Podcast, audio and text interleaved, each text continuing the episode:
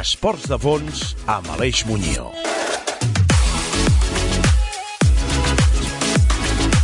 Bon dia, bona tarda, bon migdia, bon vespre o bona nit. Sigui quan sigui que ens esteu escoltant, sigui d'on sigui, des d'on i quan ho feu, benvinguts a 13. Benvinguts al 13 103, el programa dels esports de fons. Aquí és la casa de tots els apassionats i apassionades dels esports de fons. Aquí és la casa de tots aquells i aquelles que no ens fa res passar fred al matí, passar calor al migdia, matinar per fer allò que més ens agrada, o desafiar les hores de son i dels àpats als vespres i als migdies. No, no estem dient que no respecteu els horaris dels àpats, i mai, sobretot, que us els salteu. Però nosaltres som d'aquells que intentem estirar el temps com un xiclet, per tal de fer allò que ens agrada les més vegades possibles. Ho necessitem i és totalment vital. I per l'equip de 13 és vital conèixer, difondre i sobretot repassar l'actualitat des del nostre particular punt de vista, des del nostre sofà. I des d'aquí ens agrada mirar enrere i cercar què ha passat al món, què ha passat a prop nostre, conèixer les novetats, analitzar els materials, contrastar consells, debatre i comentar tot allò que envolta el món dels esports de fons. I ara, 13 on vulgueu i quan vulgueu, amb el podcast de Spotify – 13, tal com sona, 13. Benvinguts a 13 i benvinguts al vostre programa d'Esports de Fons.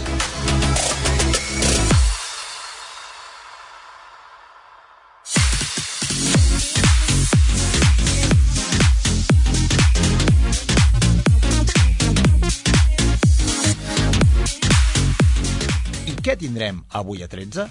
Boca and Roll. Repassarem aquella actualitat i el que estat notícia per al nostre equip d'esports de fons addictes. Triatló, duatló, atletisme, trail running, ciclisme en ruta i mountain bike. I avui, amb les següents seccions. Tal 13 farà un any. Què va passar al món i als esports al 2003? Omnibus, descobrirem a la protagonista d'avui. Algú que va entendre que les normes no estaven fetes per ell, especialista del control de les trampetes, l'especialista al servei dels que volien fer ganyifetes, Michele Ferrari, el metge de metges del recent passat més obscur del ciclisme. Caçadors de curses. Hi ha curses dures, hi ha corredors durs, però avui viatjarem a la que s'autoproclama la cursa més dura del món, l'ultramaratón Bad Water. I ara que sabeu què tenim a 13, comencem. És l'hora de 13. Mountain bike, trail, atletisme, clàssiques de ciclisme, triatló i dualó. L'actualitat a 13 és Boc and Roll.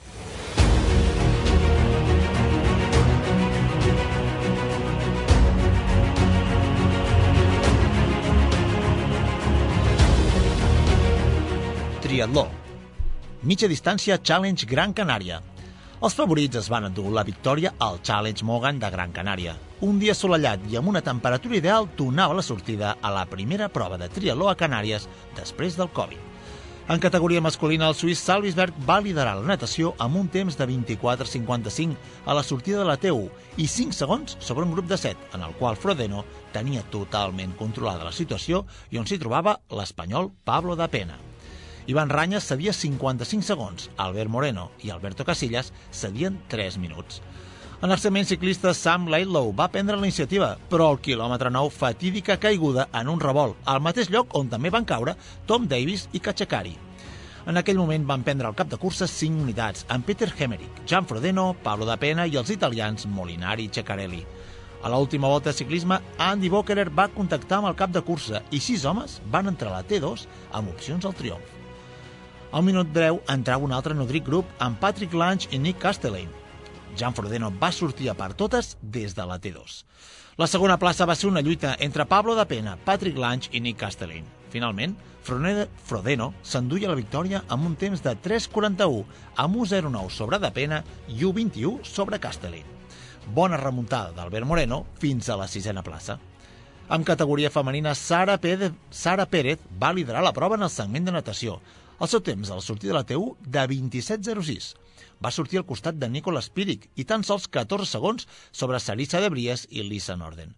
En el segment ciclista, Nicolas Píric, sense cabra, se'n va anar en solitari des del principi per donar un recital sense precedents en una prova en la qual rodar acoplat valia molt. La campiona olímpica va sentenciar la prova a la T2 amb més de 2 minuts 30 d'avantatge sobre Sarissa de Vries i Lisa Norden, mentre que Sara Pez conservava la quarta plaça a més de 4 minuts. La cursa a peu, amb una calor i humitat terribles, va ser un recital d'espíric, qui va vèncer la prova amb molta solvència, 4-0-7, marcant també el millor parcial a peu. De Vries va ser segona i l'holandesa Norden tercera. Judy Corachan va ser cinquena a 15 minuts. Després de remuntar a diversos llocs a peu, Sara Pérez va ser sisena. I anem aquí prop, anem a Alcobendas, on aquest passat cap de setmana va ser l'epicentre espanyol del duatló per equips. Amb més de 300 clubs disputant alguna de les 8 modalitats, Alcobendas obria la Lliga de Clubs de Duatló i la Lliga Talento. La jornada del dissabte, a la Lliga de Clubs Elit Masculina, Saltoki, Alusigma i Svilia. A la Lliga de Clubs Femenina, femenina èlit, Cidade Lugo Fluvial, Saltoki i Nàutic de Nerón. A la Lliga Talento, la categoria femenina va comptar amb el triomf del Saltoki, segon lloc per Trialó Ferrol i tercer per al Nàutic de Nerón. Categoria masculina, triomf del Diablillo de Ribes, segon el Saltoki i tercers el CA Vetera. I anem per la jornada del diumenge. La segona jornada de la Lliga de Clubs de Duatló es tancava amb el Campionat d'Espanya de Duatló per relleus tres integrants per equip fent cada un la distància de 2 quilòmetres de cursa a peu, 5,2 de ciclisme i 1 quilòmetre de cursa a peu, totalment explosiu. Categoria masculina. Títol per l'Isbilia Sloppy Joes. Segon lloc, Ciudad de Lugo Fluvial. I tercer lloc pel Montilla de Córdoba. I a l'apartat femení, primer lloc pel Ciudad de Lugo Fluvial, segon pel Saltoki i tercer pel Diablillos de Ribas.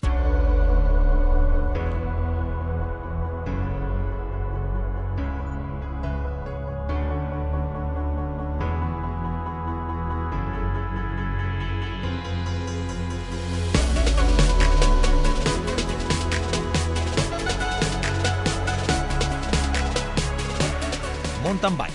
Superprestigio en Mountain Bike Tibi 2021. El Superprestigi Mountain Bike Faster 2021 celebrava la, segon, la segona prova a Tibi, Alacant, una cursa de moltíssim nivell tant en categoria femenina com masculina, gràcies a la presència d'un gran nombre de ciclistes de Copa del Món. L'australiana Beck McConnell i el francès Thomas Griot es van endur la victòria en un dia on David Valero va protagonitzar una èpica remuntada. Amb més de 90 participants va arrencar la prova masculina del superprestigi Mountain Bike Faster TV 2021, una cursa a la que David Valero partia amb el mallot de líder i que, sens dubte, era el gran favorit del dia. Però a la línia de sortida s'hi trobaven ciclistes com Sergio Mantecón, Thomas Griot, Dan McConnell, Joshua Dubó o Matisse Azzaro. Així que la victòria es venia cara. Ja a la primera volta van començar a saltar les primeres sorpreses. El ritme va ser molt alt des de la sortida i els francesos Joshua Debo i Matisse Azzar van prendre el cap de carrera mentre que David Valero es quedava molt endarrerit després d'una petita caiguda que li va cosinar algun problema mecànic. Un cop solucionat, Valero protagonitzaria una de les remuntades del dia.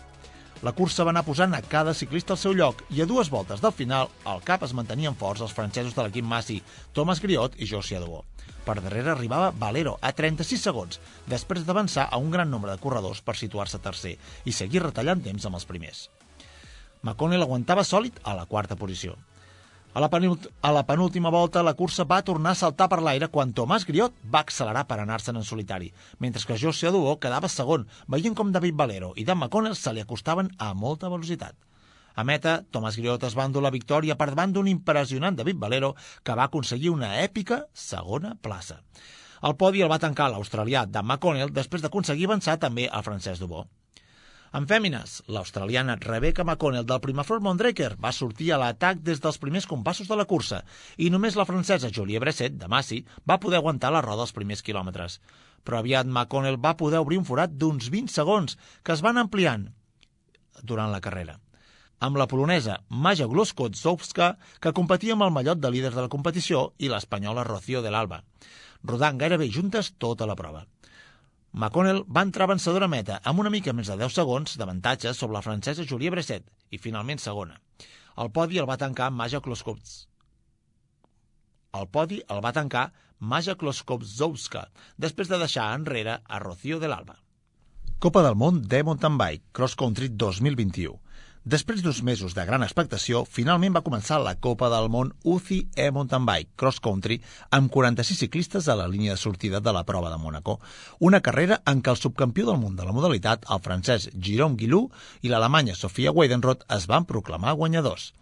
És innegable que estem davant d'una nova modalitat una mica estranya, ja no només per la particularitat que es competeix amb bicicletes elèctriques, sinó perquè en ella es donen cita ciclistes prominents tant del cross-country com de l'enduro. I això dona lloc al fet que veiem una curiosa amalgama d'estils de riders, en competició i fora d'ella, que suposem s'aniran homogeneitzant amb el pas de les carreres. Després d'una tanda classificatòria a la qual es van decidir les posicions de sortida, la carrera va arrencar en un circuit tècnic i amb importants pujades, la primera de 700 metres al 15%. A aquest circuit, els participants hi havien de donar 6 voltes. A més a més, cal afegir que les categories masculina i femenina competien alhora, així que el trànsit era una dificultat afegida a la prova. L'estil de què parlàvem al principi quedava palès a les baixades, on els especialistes de cross-country estan acostumats a dibuixar el traçat, mentre que els d'enduro ho fan sempre amb línies més directes i radicals. En homes, el francès Jérôme Guilou, dues vegades subcampió del món de la modalitat i actual campió nacional, va prendre el cap de cursa aviat i es va endur la victòria. Per darrere seu, Francesc Camon i Pejon. En l'apartat femení, victòria de Sofia Weidenroth, Katrin Stirnemann, segona i tercera posició per Karen Piper. Els guanyadors de la prova més s'han proclamat líders temporals de la competició. I anem a la tercera prova de la Itàlia Bike Cup, Caneva Trophy. La cursa de categoria 2 de la UCI tenia representació del millor cross-country internacional amb la presència del campió del món i algun dels millors equips, com els Canon dels Factory Racing, els Speciality Factory Racing o els Absolute Absalon, entre d'altres la campiona francesa Lenena Girol i el suís Filippo Colombo van endur-se la victòria. Avancini no va poder prendre la sortida per un malestar físic just abans de sortir. Una gran carrera en què el mallot Arquiris de Jordan Serró era la referència de tots els rivals. No obstant això, el protagonista del dia va ser el suís Filippo Colombo de l'Absolut Absalon, que una vegada més ha demostrat que als seus 23 anys és capaç de liderar una cursa de gran nivell pràcticament sense mirar enrere. Colombo va aconseguir primer anar-se'n en solitari, obrir forat i ser capaç de gestionar la diferència quan per darrere tenia un Jordan Serró que després de posar-se primer a l'inici es va tardar molt a les següents voltes. Va llançar una poderosa persecució, però no va poder atrapar a Filippo Colombo. Per darrere de Serró, el sud-africà Alan Heatherly del Canon del Factory Racing va tancar el podi. En l'apartat femení, Chiara Teoki, del Trinity Racing, es va posar al capdavant de la cursa a les primeres voltes, seguides de prop per l'actual campiona de França, Lena Giraud, de l'Anjos Esterion, i una, mica, i una mica més enrere per la belga Gita Mikiels, que competia amb l'equip nacional, i per l'austríaca Laura Stiger. La cursa es va decidir a la quarta volta, quan Giraud va aconseguir enlairar a Teoki, per iniciar el seu viatge a la victòria. Per darrere, Laura Stiger va començar una gran remuntada amb la qual va avançar primer a la belga Michaels i després a l'italiana Teoki. En meta, Lena Gerol entrava com a guanyadora de la prova amb 10 segons sobre Stiger, segona i més de mig minut sobre Chiara Teoki. Entrenament, psicologia, competició, recuperació, nutrició... Tots els professionals dels esports de fons tenen cita a 13. Esports de fons.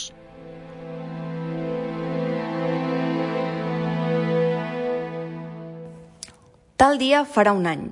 Alguns fets importants d'aquell 2003 van ser, per exemple, el gran incendi forestal que va arrasar amb els boscos de bona part dels termes municipals de, de la Granera, Monistrol de Caldes, Mura i Sant Llorenç Savall.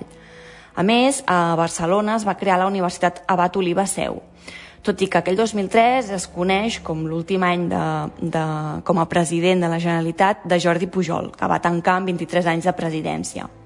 Aquell setembre, el conseller en cap de la Generalitat, Artur Mas, i les autoritats municipals van inaugurar la Porta dels Països Catalans a Salses, al Rosselló. Dos mesos més tard, al novembre, es van celebrar eleccions al Parlament i Convergència, eh, que per cert cap, eh, el cap de llista era Artur Mas, va obtenir eh, la majoria superant en quatre escons el PSC encapçalat per Pasqual Maragall, però no va assolir la majoria absoluta. A finals d'any, al desembre, Finalment, Pasqual Maragall va prendre possessió com el 27è president de la Generalitat de Catalunya. Hi ha altres fets importants d'aquell 2003 a la resta del món, per exemple a Florida, als Estats Units, set astronautes es van enlairar la darrera missió del transbordador espacial Columbia, el qual va explotar en ple vol l'1 de febrer en tornar a la Terra, mentre volava a 60 quilòmetres d'altitud sobre el nord de l'estat de Texas i quan tan sols faltaven 16 minuts per l'aterratge a Cap Canaveral. L'1 de maig d'aquell mateix any, a Washington, als Estats Units, el president George Bush proclamava la fi de la guerra d'Iraq. I finalment, aquell estiu, cal remarcar la important onada de calor europea. I en el món dels esports d'aquell 2003, el Tour de França el va guanyar Lance Armstrong, però amb la seva problemàtica sobre el dopatge es considera vencedor el segon classificat, que va ser Jan Ulrich. Pel que fa al Giro, que es va celebrar del 10 de maig a l'1 de juny, va quedar en primera posició l'italià Giliberto Simone. D'altra banda, a la Vuelta va quedar en primera posició l'espanyol Roberto Eras. Seguidament, eh, pel que fa al Campionat del món de ciclisme en ruta, que es va celebrar del 7 al 12 d'octubre al Canadà, eh, en la categoria masculina es va classificar l'espanyol Igor Starloa i en la categoria femenina la sueca Susan Jontog. D'altra banda, el Campionat del món de triatló, que es va celebrar a Alemanya, en la categoria masculina va quedar en primera posició l'alemany Benjamin Sontag i en la categoria femenina Mariem Blasveld. Finalment, en el campionat de ciclocross, en la categoria masculina va quedar vencedor Bart Wellens i en la categoria femenina Duffy van der Band.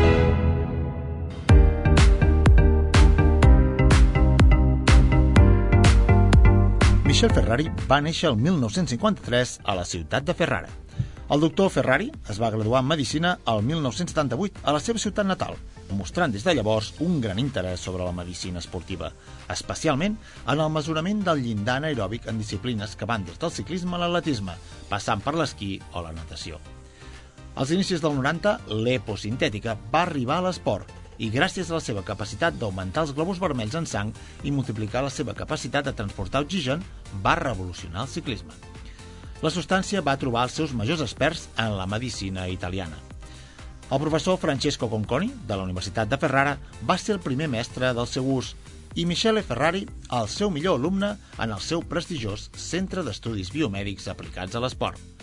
Tots dos coneixien l'EPO i els seus efectes a l'organisme com ningú, i amb Conconi van desenvolupar tècniques que posaven a prova el rendiment humà, usant mètodes com el de seguiment de la freqüència cardíaca durant els exercicis i la recuperació. Amb el mateix Conconi, abans que un laboratori de Califòrnia sintetitzés l'eritropoetina, EPO, va usar transfusions de sang per preparar a Francesco Moser, el ciclista italià que va batre a Mèxic el rècord de l'hora d'Eddie Merckx l'any 84.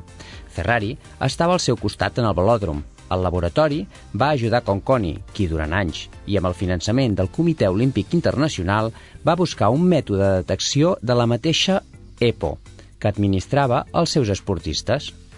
És a dir, el mateix que feia la trampa, treballava per al coi per detectar la trampa. Correcte. És a dir, treballava analitzant una substància no del tot permesa i alhora ajudava el coi, A estava detectar. subvencionat pel coi, per detectar aquesta substància no permesa. Molt bé. Ah, així, així, Apunta maneres el Clar, senyor... Jo faig de policia i faig de lladre alhora. Això Molt bé. mateix. Va ser assessor de la Federació Italiana d'Atletisme per després fer el salt a preparador físic de l'equip italià de biatló i definitivament per fer el salt al món del ciclisme el 1984, com bé apuntava el Joan, amb el, amb el rècord de l'hora d'en Moser. Des de l'any 84 en endavant, Ferrari va aconseguir extraordinaris desenvolupaments en l'estat físic de molts ciclistes, rebent del 10 al 20% dels seus guanys pels seus serveis. Entre els ciclistes que van requerir els seus serveis es troben noms com Lance Armstrong, Mario Cipollini, Cadel Evans, Axel Merckx, Tony Rominger, Fernando Escartín, Abraham Olano, Yanni Faresin, Bjarne Ries, Michel Scarponi o Denis Menchov. Els hi realitzava proves d'eficiència física i biomecànica, a més d'ajudar-los a triar material, planificar el seu calendari i controlar-ne la nutrició. La figura de Ferrari també va adquirir protagonisme amb la selecció espanyola de ciclisme en pista entre el 93 i 98, per dopar-los de cara als Jocs Olímpics d'Atlanta 1996, fet que va declarar el metge Luis García del Moral davant del TAS. La seva fama va multiplicar-se quan el ciclista suís Tony Rominger, guanyador de tres voltes del 92 al 94 i un giro al 95, va convertir-se en plusmarquista mundial de l'hora a l'octubre del 94, malgrat que abans de tancar-se al velòdrom de Bordeus no havia donat mai una pedalada en pista. És a dir, el senyor Tony Rominger no havia rodat mai en un velòdrom i gràcies al senyor Ferrari, que hauria ser molt bo tècnicament en ciclisme, però va, li, li va donar aquella la fe, la Aquest- convicció? Aquesta paraula és uh, miracoli, en és, italià. és, és miracoli, és miracoli, li va donar la poció màgica Sí, per tal de que sense haver pujat mai en un velòdrom rebentés i pulveritzés i fes el rècord de l'hora el Fe- Ferrari Sí, sí. i el nom ja, ja clar, anaves com una moto no com una moto no amb alguna coseta va suplir la falta de, de, de tècnica. Exacte, exacte. Home, de fet, el senyor Ferrari, el 1995, va dir l'EPO en si no és perillosa. Va dir responent a les informacions que parlaven de diversos ciclistes morts mentre dormien, atribuïdes a l'abús de la substància. Clar, què passava? Que la EPO el que feia era la sang. I llavors hi havia ciclistes que les primeres generacions d'EPO els havien de llevar a mitjanit perquè, clar, la sang anava tan densa que... Clar, i com que el, el, el ritme cardíac, la freqüència cardíaca dels ciclistes professionals doncs, acostuma a ser molt baixa, no? Doncs se'ls devia fer una mica Clar. un, coàgul al cor. O... Clar, no, llavors, clar, no, allò baixava tant de revolucions que, que s'hi quedaven i els havien de despertar a les nits. Total, que ell va dir, l'EPO en si no és perillosa. El que és perillós és l'abús, com seria perillós beure 10 litres de suc de taronja. I aquí, i aquí ara és quan, si plau, volem... El, el, el Roger també ha fet una cara de, de sorpresa, el nostre tècnic, des de l'altra banda de la peixera, però beure 10 litres de suc de taronja, a part de que potser has d'estar assegut una miqueta, la, has, has de miccionar molt, Sí. miccionar per qui no tingui un llenguatge així escolta de, de, és fer pipi. Uh -huh. És pipi. 10 litres de suc de taronja, jo crec que nocius no és el mateix fotre tepo que beure 10 litres de suc de taronja. Clar. Aviam, s'ha de tenir estómac per beure 10 litres de suc de taronja. Aviam, no perquè, els, perquè diguis, ostres, ai, ai, uix, quina angúnia. S'ha de tenir estómac perquè, clar, 10 litres no t'hi caben. Però no tenim capacitat no, a l'estómac per, per 10 litres així de, de cop sense haver-los filtrat i haver expulsat alguna cosa. Clar, la bufeta, quina capacitat té la bufeta? Tu saps? No sé, i la bufeta de València tampoc, sí, sí, té molta capacitat. 10 litres segur que hi caben. Però el cert és que cap al senyor Ferrari beure 10 litres de suc de taronja són tan nocius com l'EPO. Sí, bueno, és com aquell que diu que una, una aspirina no, mai fa mal a ningú. Però clar, depèn no? la, de, de les circumstàncies. Si te la disparen a 200 Home. metres per segon, Què diria el Miquel Bosé d'això? bé, eh, ell té molta experiència en el tema. Sí, però diria que 10 litres de suc de taronja, clar, depèn si són, són dolços, no, si són ensucrats. De fet, de fet, el Ferrari era un especialista en l'entrenament en alçada. Va començar a treballar a Sant Moritz, Suïssa, abans d'establir-se al parador del Teide, després de la primera retirada d'Armstrong. De fet, el volcà del, del Tenerife va començar a ser una estació de peregrinatge de ciclistes de tot el món que trobaven en el mig italià el millor consell i els millors productes. És a dir, no és que estiguessin tots els ciclistes interessats en les Canàries, que són boniques. Casualment hi havia el senyor Ferrari en el parador del Teide i en allà passaven coses. Buscaven el seu miracle. Sí, buscant el seu miracle, buscaven la, la fe de la, de, del Teide, de les Canàries. Quan era a l'illa Canària es movia per Itàlia en una caravana, on feia les proves d'esforç per establir els llindars i les dosis dels seus esportistes. I també, detall important, que això, això està documentat, duia una perruca amb la qual buscava no ser reconegut. Clar, perquè no, no necessitava tants clients, suposo, no? Clar, no, i a més, clar, si tu portes una perruca no saben qui ets. A tu et veuen amb una autocaravana clavant xeringues a ciclistes i si portes una perruca despistes a la gent. Clar, diuen, aquest, aquest no és en Ferrari. Aquest no és en Ferrari.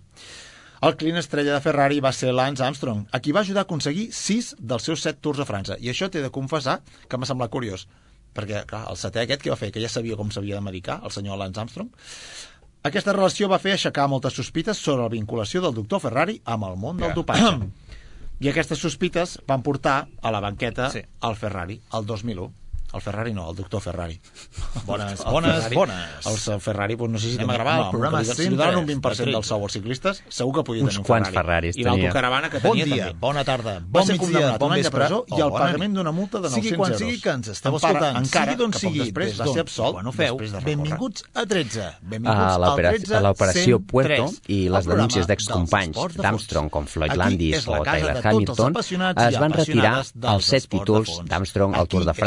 i amb això, aquells i aquelles que no ens fa res passar havia confessat passar que, que s'havia dopat en una entrevista amb més Oprah Winfrey. O desafiar si els de sons i dels àpats, passada, els vespres i els migdies. No, no, no estem dient que no respecteu els horaris dels àpats. escoltar, si llegiu el guió, però si algú transcriu, no? Després ho pot llegir. Ho podeu llegir, però podreu escoltar tota la història de la senyora. I també la vinculació que abans comentàvem de Lance Armstrong amb, el doctor Ferrari i per què es van desvincular i sobretot repassar doncs en aquesta d'aquesta operació, l'operació Puerto, també van caure els metges espanyols, Luis García del Moral i Pedro Celaya.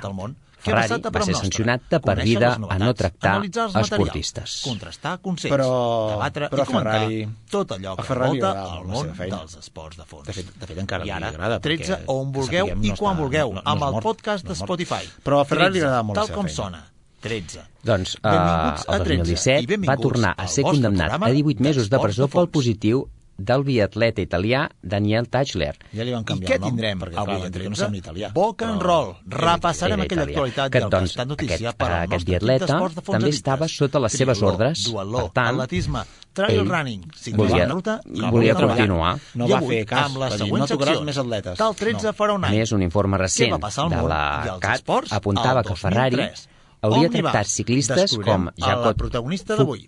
Algú pot entendre que les normes no estaven fetes per Alexei Lutsenko, mira que un nom que es diu l'especialista al servei sang amb el doctor Ferrari, ja, ja fa, sospita, fa sospita. El metge de metges del doncs, recent ah, passat, eh, els, els pupils a ah, l'Astana d'Alexandre Alexander Vinokurov, antic client de Ferrari. Però avui viatjarem a la que s'autoproclama la cursa més dura del món, l'ultramaraton sí. Bad Water. Ferrari actualment que sabeu, segueix Miserena Ferrara, a la regió de És l'hora de 13. I com el coneixen, el senyor Ferrari? Fer Ferrari. Sí, Ferrari, doncs eh, el, el coneixen com... Mountain bike, il mite, trail, atletisme, que és clàssiques el, el de ciclisme, ah, trialó i dualó. L'actualitat, el seu propi blog, 13, 53, 12. A més, hi podeu entrar. Una pàgina web una miqueta arcaica, etrusca, però, però que funciona.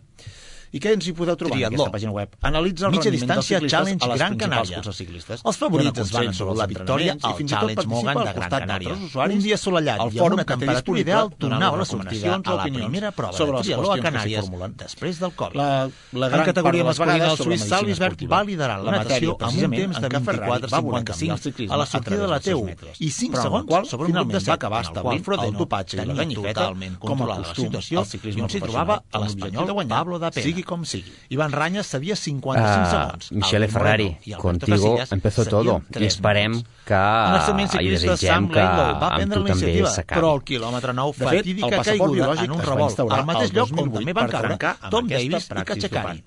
El passaport biològic és la recopilació dels paràmetres fisiològics d'un esportista, no, Pablo de Pena i els italians de sang i al llarg d'un període de temps. A l'última volta de ciclisme, Andy Bokerer va contactar amb el cap de cursa. i sis homes van entrar T2, l'hematològic i l'endocrí.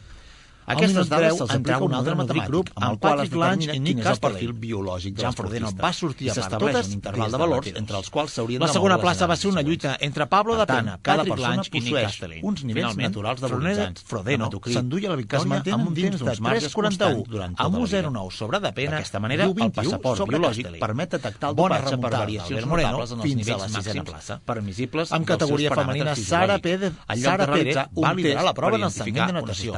El seu temps al sortir de la TU... Els paràmetres sanguinis d'un esportista es poden veure alterats per múltiples factors. Un vol de llarga durada, una anèmia, un esforç perllongat, entrenar-se en altitud... No obstant això, sempre seguiran dins dels marges de seguretat establerts en el seu passaport biològic. En canvi, si s'hi ha administrat eritopoietina, l'EPO, una transfusió de sang o una substància dopant, les variacions sí sobrepassaran clarament els límits normals. Aquesta és la principal avantatge. Mentre que els controls convencionals només detecten les substàncies no permeses a la sang o l'orina, el, passopa, el passaport biològic detecta els efectes causats, causants del dopatge i permet observar els canvis que es produeixen al seu organisme. La seva precisió és molt elevada, del 99,99 en el dopatge sanguini, ja que la fisiologia humana es manté estable durant generacions. En cas d'una alteració significativa, l'esportista ha de provar el motiu de la mateixa. Fins i tot poden realitzar-se anàlisis als pares de l'esportista per confirmar els resultats. La jornada del dissabte, a comença la Lliga de Clubs altres Elit masculina, com el tenis, el toqui o l'atletisme. i esbília. En països com A la França Lliga és de obligatori Clubs per a femenina- tots els esportistes femenina elit, del UCI Fluvial ja té instal·lat Toqui des del i Nàutic 2008. de Nerón. A la Lliga Talento, la Ferrari categoria femenina va potser comptar amb el triomf del acabat la salt feina. toqui. Amb el seu lloc per potser farà- Ferrol se i l'escoltarà tercer algú. per al Nàutic de Potser Neró. hi haurà algun atleta popular Categoria que no masculina. té, Triomf no té del Diablillo biològic, de Ribes, que sí, segon que el sí salt que juga i amb, tercers amb el l'EPO, que és el fet que, que ens podem trobar ara, però en l'esport professional, l'EPO sembla i fa pensar que està erradicada.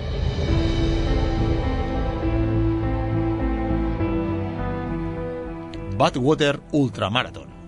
La conca Badwater, en anglès Badwater Basin, és la conca andorreica, que no vol dir que sigui d'Andorra, localitzada al Parc Nacional del Vall de la Vall de la Mort, Death Valley, Inyo County, Califòrnia, a Estats Units. Has Déu-n'hi-do, eh? Déu-n'hi-do, ja, amb els noms. Déu-n'hi-do, eh? Bueno, però... Bueno, hem- els, els americans que aprenen geografia han de ser molt llestos, eh? Sí, bueno, podria haver fet pronúncia yankee, però ho hem deixat així. Doncs eh, es destaca per ser el punt més baix d'Amèrica del Nord amb una profunditat de 800... Perdó, De 800, no? de 86 metres per sota del nivell del mar. El mont Whitney es troba a només 120 quilòmetres a línia recta cap a l'oest. Clar, Whitney Houston. Whitney Houston. El mont Whitney és el cim més elevat dels Estats Units contigus, excloent Alaska i Hawaii, amb una alçada de 4.421 metres. Està situat, situat al comtat d'Inyo. Al vessant oest de la muntanya acaba el Parc Nacional de les Socoies. La muntanya va rebre, perdona, eh, el seu nom de Josiah Whitney, el cap de Departament de Geologia de Califòrnia, i la primera ascensió la van realitzar Charles Begola A. Ah, ah, Johnson. Escolta'm, aviam, aviam, això no sabem si és que el guionista ha posat A. Johnson o A. H. És que els americans ho fan molt això. A. H. Johnson. I John Lucas el 1873. Però avui parlarem de geografia americana? American Geography? Doncs no. Aquestes dades són el que van motivar la cursa que avui parlarem. L'ultramarató Badwater. L'Ultramarató Badwater és una cursa a peu que se celebra cada mes de juliol a Califòrnia, amb sortida a la conca Badwater i arribada a Mount Whitney. Autoproclamada la cursa més dura del món, la seva dificultat extrema es deu a una combinació de diversos factors. En primer lloc, el recorregut actual té una distància total de 217 quilòmetres. En segon lloc, la sortida i l'arribada són respectivament els punts geogràfics més baix i més alt dels Estats Units, excloent Alaska i Hawaii, com bé dels has dit. Estats Units com, com, com contigus. Ah, això mateix. El que obliga els corredors a una ascensió de més de 4.000 metres. Gran part de la cursa transcorre pel desert de la Vall de la Mort, on la temperatura diurna pot arribar als 49 graus a l'ombra. A causa d'això, molt pocs corredors són capaços d'arribar a la línia d'arribada. Originalment, aquesta marató connectava els punts geogràfics més baix i més alts dels Estats Units contigus. La distància en línia recta entre els dos punts és de tot just 130 quilòmetres, però la, lluita, la ruta s'allargà fins als 234 a causa de les voltes necessàries per evitar valls i muntanyes. A més, al cim de la muntanya Whitney es troba a uns 18 quilòmetres de la carretera asfaltada més propera, de manera que els participants que arribaven al final havien de recórrer aquest tros de pista. Això elevava la distància total que recorre fins als 252 quilòmetres, equivalent gairebé a 6 maratons seguides. La ruta creuava dues serralades, amb un ascens acumulat de 5.800 metres. En l'actualitat, i aquí ve per què explicàvem tot aquest ball de xifres, a l'actualitat el Servei Forestal dels Estats Units no permet competicions esportives a l'àrea forestal de la muntanya Whitney, de manera que la meta s'ha situat al portal de Whitney, al final de la carretera asfaltada, amb una distància total dels 217 quilòmetres i 4.000 metres que us, que us comentàvem al principi. No obstant això, molts dels participants opten per seguir la tradició i completen l'ascensió fins al cim de manera independent a l'organització de la cursa, que ja és tenir ganes, eh? Quan, quan ja portes 217 quilòmetres, dius, mira, escolta'm, allargo fins als 254. Ja que som aquí, no? Clar, ja Arribem que al final. ja hem arribat, clar. Són atletes motivats. Exacte. Els primers individus a completar la travessa de Badwater a Whitney, a través de les perilloses planes de sal de la Vall de la Mort, van ser Stan Rodefer i Jim Woodworth, procedents de San Diego, Califòrnia, el 1960. Al Arnold va ser el primer a intentar completar la ruta actual el 1974, però va abandonar als 29 quilòmetres a causa d'una deshidratació severa. Com hem dit, a la Vall de la Mort, la mitjana de temperatura diurna és de gairebé 50 graus. Per tant, 29 uh, quilòmetres 50 graus. a 50 graus no, no, s'entén que es Les barretes i els gels energètics es fregeixen, eh? Després d'entrenar en una sauna per aclimatar-se a la calor del desert, ho va tornar a intentar l'any següent, però una lesió al genoll el va fer abandonar després de 80 quilòmetres. Home, digue-li perseverant, eh? És Sí, sí, esperit americà. tenia entre cella i cella. Noves lesions li van impedir intentar-ho de nou al 1976. Escolta'm, el, aquest, aquest senyor, allò de... El, algú m'està enviant missatges de que no he de fer això, no, no ho rebia, eh? No, i, i va fer bé de, de, de no escoltar-ho, perquè finalment va poder completar el recorregut el 1977, coronant la muntanya Whitney 80 hores després de sortir de Badwater. Des de llavors, Arnold només ha tornat a fer el recorregut per commemorar la gesta. Home, jo crec que va dir, mira, la quarta va la vencida, Ja en tinc prou, no? ja that's enough. La segona travessa, Badwater Whitney, va tenir lloc al 1981 per part de Jay Birmingham. No va ser fins al 1987 que la travessia es va convertir en una cursa organitzada oficial. En aquell primer any, només 5 corredors van prendre la sortida. Durant les primeres edicions no s'especificava cap ruta entre Badwater i Whitney i els participants seguien la que els semblava més efectiva. Adrian Crane, un dels participants en la primera edició, va arribar a fer servir esquís per travessar les planes de salt de Badwater. Cal, cal dir que les, eh, les planes de salt de Badwater és allò que si veiem fotos sembla que sigui neu, però no, perquè estem a 50 graus i allò doncs, és eh, el, el que ha quedat de, de l'evaporació de, de, de l'aigua. De l'Arnold, que ho he provat tres vegades, dels, dels cinc aquells que van començar el 87, clar, ja s'ha anat acumulant tot el caldo de cultiu de tots.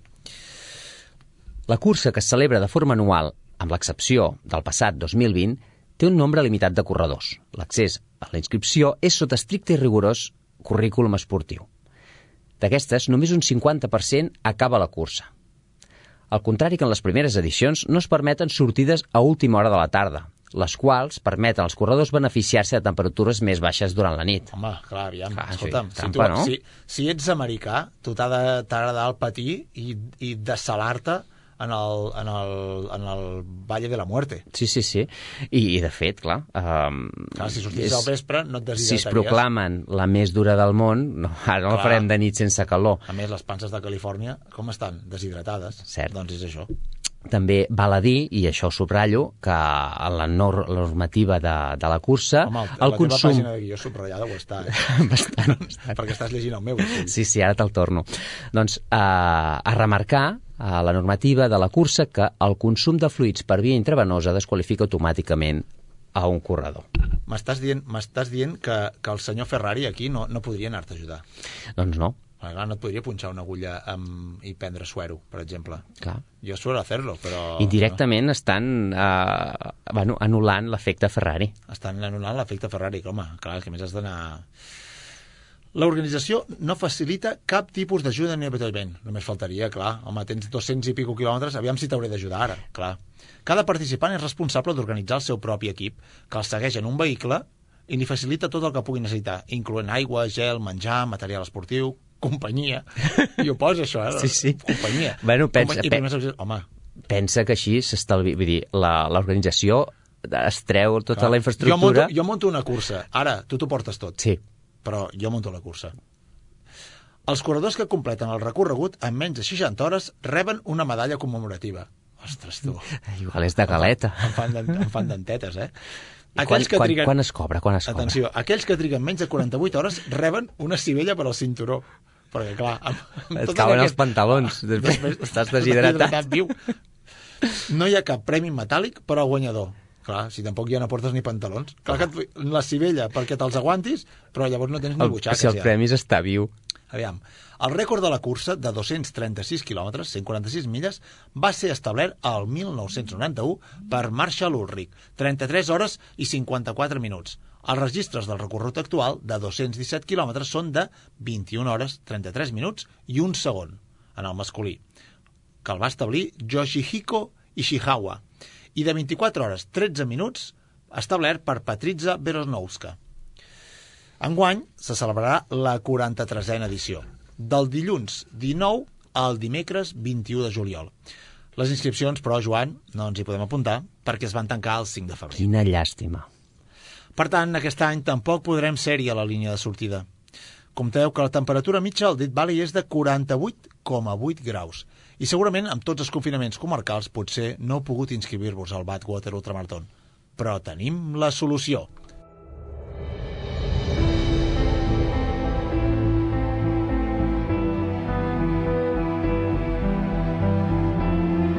Montoro, província de Córdoba, de la comarca de l'Alto Guadalquivir, amb 9.973 habitants, on s'ha registrat la temperatura més alta de tot el territori espanyol, 47,6 graus.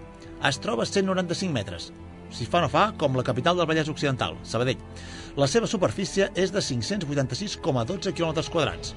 La del Dead Valley, per fer una comparativa, és de 8.000 km quadrats. És en aquest punt que volem reivindicar que no cal anar a fora, que hem de gaudir del que tenim a prop, o a més de 1.000 quilòmetres. Però des de Caçadors de Curses volem crear la Badwater espanyola. La Guachunga Marat Ultramaratón. Buscarem fer el màxim de desnivell i la mateixa distància. Hem cercat el pic més alt de la península, que és el Mulacén, a Sierra Nevada, quant té d'alçada? Té 3.479 metres. La distància entre Montoro i el Mulacén són? 184,9 quilòmetres. Segons el millor temps estimat per Google Maps, trigaríem 38 hores caminant. A més o menys 3.000 metres de desnivell acumulat. Si sou més de la ceba i voleu ser més nostrats, hem cercat reproduir el concepte Aguachunga i Badwater a Catalunya. I com seria això? L'aigua malvada ultramarató. Hem cercat el punt a nivell més baix de Catalunya que no fos a nivell del mar i és a l'estany de Vilacolum, situat a un metre per sota del nivell del mar, a l'Alt Empordà. Podríem dir que les mines de potassa de Súria, al Bages... Podríem dir, no, podríem sortir, llegeix, Joan, sense llegir. podríem sortir... Podríem sortir de les mines de Potassa de Súria, que estan a 600 metres sota terra, però potser no seria un títol homologable. El cim més alt de Catalunya és la Pica d'Estats, amb 3.143 metres. Deixant de banda els puristes, que diuen que el 2016, segons uns càlculs, deien que el cim més alt de Catalunya era el Pic Verdaguer. Nosaltres ens remetrem al que sempre ho ha estat, la Pica d'Estats. La distància entre l'antic estany de Vilacolum i la pica d'Estats és de 224 quilòmetres i el temps aproximat caminant és de... 49 hores. Ja sabeu, Badwater, Aguachunga o Aigua Malvada, els reptes els teniu davant. Caçadors de curses, només us els portem per tal que pugueu fer-los. I